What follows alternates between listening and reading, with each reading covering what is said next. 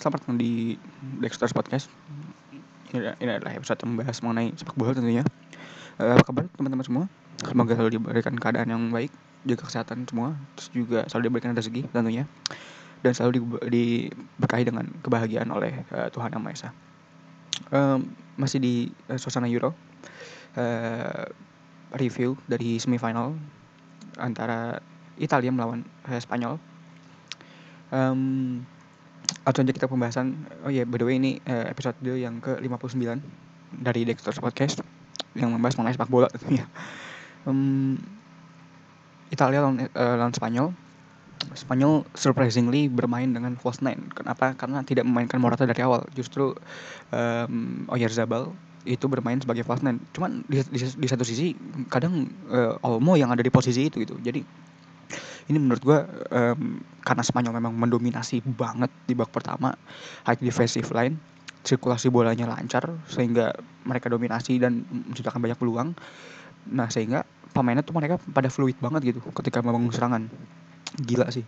Cuman permasalahannya ya itu tadi nggak klinikalnya itu. Kadang-kadang di depan gawang entah itu Zabal yang nggak masuk terus juga si um, Olmonya masih ditangkap sama Gigio. Dan ini tetap jadi permasalahan si uh, Spanyol sih sampai sekarang pun. Dan juga um, Spanyol ya uh, peran flanknya itu gak begitu kelihatan sih. Misalnya Alba kan yang biasa ya memang Alba sering crossing crossing ke tengah gitu ya. Cuman di match kali ini kayaknya nggak begitu sering sih kayaknya sih ya. Um, terus juga uh, Spanyol pun kayaknya ya seharusnya sih um, apa ya seharusnya tuh mereka lebih sabar gitu. Ya memang membangun serangan itu bagus cuman di, di, di, di satu sisi uh, Italia pun ya punya counter yang baik gitu. baik bagus banget counter attack ya. Dan Enrique ini aku juga bingung um, dia nggak mainin si Morata yang memang Morata kita tahu lah apa kurang klinikal terus juga uh, pergerakannya quite lambat. Cuman dia tuh turun ke bawah terus dia bisa build up dengan cukup lumayan bagus juga. Uh, passingnya juga bagus ke tengah. Dan yang dipilih justru Oyarzabal terus juga Sarabia pun nggak main gitu karena cedera. Akhirnya yang main si um, Olmo.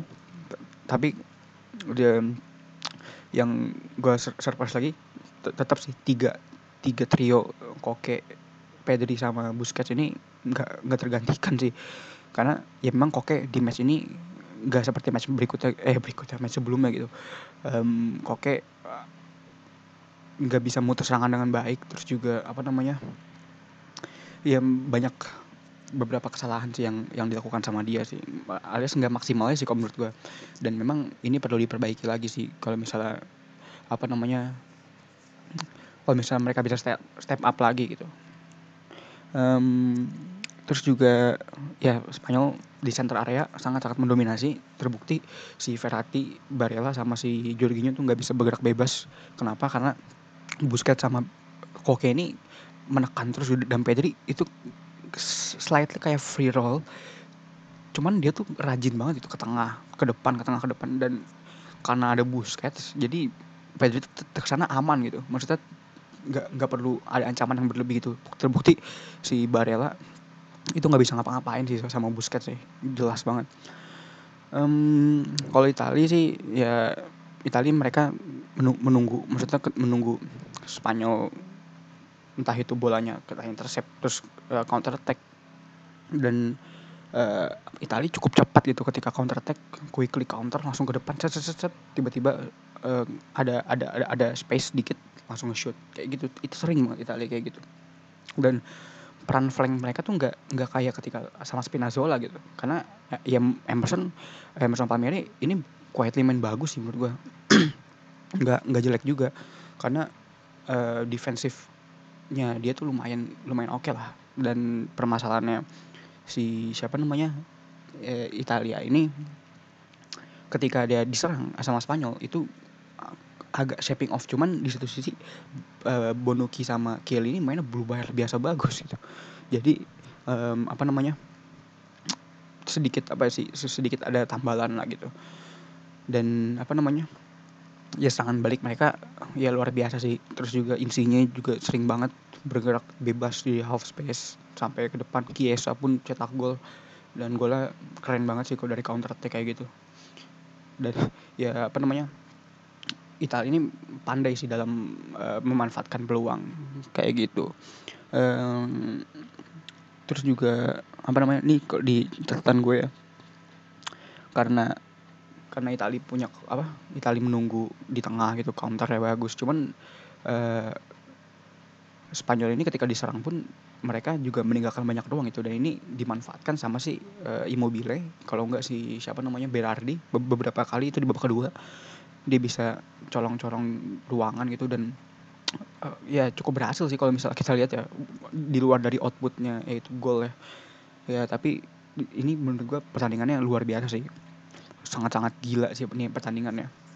Dan juga yang gue perhatiin ya dari dua dua dua dua tim ini kan kalau misalnya Spanyol ya pendekatannya emang kayak gini passing passing pendek terus juga uh, apa namanya bangun serangan dari bawah. Dan Itali justru antitesisnya gitu counter attack menunggu main dengan sabar apa langsung counter cepet dan ini ya memang memang seperti ini sebenarnya Itali itu. Peluangnya sedikit cuman langsung cetak gol mematikan gitu. Jadi uh, apa namanya gitu sih dan apa Morata kembali jadi penyelamat ya. Uh, satu sama tuh dia cetak gol dan ya ini luar biasa banget sih gamenya sih gitu. Jam terus um, ada Inggris lawan Denmark uh, di awal-awal memang um, ini cukup tough ya. Soalnya um, Inggris ya memang Inggris menguasai gitu. Cuman di satu sisi uh, Denmark juga punya peluang kualitas peluang yang bagus. Walaupun secara XG pun Inggris ya slightly lebih bagus sih dibanding uh, dibanding Denmark. Dan memang pendekatan proaktif kayak gini kan sebenarnya Inggris sudah melakukan ketika lawan Ukraina gitu. Ketika lawan Ukraina pendekatan proaktif.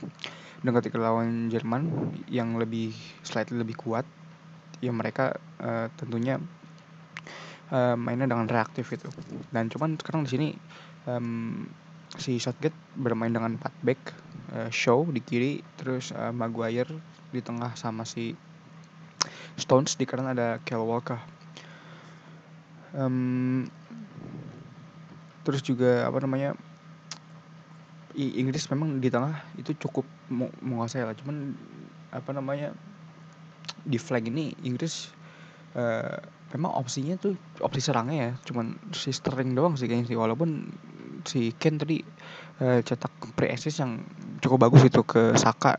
Terus akhirnya Saka uh, assist. Dan si uh, Kiar itu uh, gol bunuh diri itu dan uh, di sini pun Inggris ketika membangun serangan ya pasti memang show ini kalau dari, dari kiri itu pasti terlibat gitu. Dan kalau dari tengah itu ya Ken itu sampai mundur ke belakang dan ini menurut gue si Southgate mungkin uh, apa ya nggak mengira kalau Denmark bakal main high press dari awal sih. Dan juga di awal-awal itu sebab pertandingannya agak tough agak tough ya soalnya si siapa namanya uh, Inggris tuh kurang kurang fluid itu ketika ketika di, di depan. Walaupun si Saka mukanya Saka itu main fluid banget sih. Ke bisa ke tengah atau bahkan sering juga ke ke kiri gitu. Um, juga si siapa namanya yang gue heran uh, Kevin Phillips sama si Declan Rice ini ketika Denmark membangun serangan itu tuh mereka duel pun di babak pertama tuh nggak pernah menang gitu. Khususnya si Phillips ya soalnya gue nggak nggak ngerti deh kenapa. Ya soalnya mungkin ya kalau hipotesa gue ya karena Denmark ini ketika membangun serangan tuh cepet banget gitu. Langsung ke apa bisa dari Braithwaite um, Dapsgord terus akhirnya itu apa bisa langsung um, si siapa namanya? Uh, Dolberg. Itu bisa di depan mereka bisa fluid fluid itu sih. Um, terus juga peran lini tengah ya si Hoiberg ini sibuk banget sibuk lumayan sibuk. Karena dia uh, sebagai holding juga membantu serangan juga terus juga sirkulasi bola juga sama si uh, Delaney dan Mele Mele ini di kiri kalau gua, gua pikir ya perannya tuh agak tereduksi gitu. Karena si Walker ini bermain juga cukup bagus sih. Maksudnya dia dia uh, defensive mindednya ya oke okay, oke okay banget sih si siapa si Walker. Um, terus juga back Inggris Maguire sama Stones juga melakukan kerja yang bagus sih. Dan itu kan gol Denmark kan sebenarnya bukan gol dari set play cuma set piece si Damsgaard yang bagus juga sih boleh sih. Ya apa namanya intinya dengan permainan kayak gini sih seharusnya um, Inggris tuh lebih aware gitu. Ya walaupun lawannya ini kasar ya nggak seberat Jerman ya. Cuman di satu sisi uh, Denmark ini kan cukup apa ya cukup mengerikan gitu. Apalagi counter attack cepet terus juga yang seperti gue dibilang di preview gitu hati-hati ketika Denmark eh, counter apalagi khususnya dari dari kiri itu dari sisi kiri si Mele ini kan bisa bisa melalang buana ke depan gitu dan ini harus diantisipasi. Dan memang ketika di game ini uh, Walker mengantisipasi dengan baik gitu mengantisipasi Mele mereduksi perannya khususnya ketika switch half space itu si siapa namanya Walker ini cukup baik lah kasarnya. Um, dan ini kan Inggris pakai high defensive line nah jadi ketika counter pun mereka slightly ketarik ke tengah gitu ya ketika ketika diserang Denmark dan itu berhasil sih. Denmark melakukan serangan balik ya. Ini juga nggak lepas dari pelan pelan gitu. Uh, peran Delaney yang cukup apa ya ya cukup bisa diandalkan sih ketika di tengah. Karena Delaney ini kan punya passing yang cukup bagus gitu. Dibanding uh, Hoiberg Hoiberg juga sih. Cuman kalau Delaney kan kasar lu sebagai gelandang yang stylish itu maksudnya lu bisa playmaking juga. Dan apa di kanan si siapa namanya? Hilman lebih milih si um, siapa tuh namanya? Uh, Larsen ya. Larsen dibanding si Was gitu. Dan Was akhirnya masuk di babak kedua. Nggak nggak nggak berubah banyak juga sih. Dan dan Inggris juga ketika Grealish masuk di babak kedua ya memang di satu sisi opsi kreatifnya itu ada. Cuman nggak berubah total sih maksudnya beda banget itu dibanding si Saka karena si Saka tadi tuh udah, udah cukup baik sih menurut gue uh, gitu sih. Jadi um, gitu aja sih untuk uh, review semifinal. Sampai bertemu di di final. Uh, selamat bagi tim yang sudah lolos. Jadi um, kita tunggu aja nih uh, finalnya. Preview finalnya. Uh, apa namanya bakal berjalan kayak gimana. Jadi terima kasih sudah yang sudah mendengarkan semoga selalu diberikan kesehatan dan selalu diberikan keberkahan. Terus juga selalu dilancarkan segala urusannya. Uh, terima kasih. Sampai, sampai bertemu di final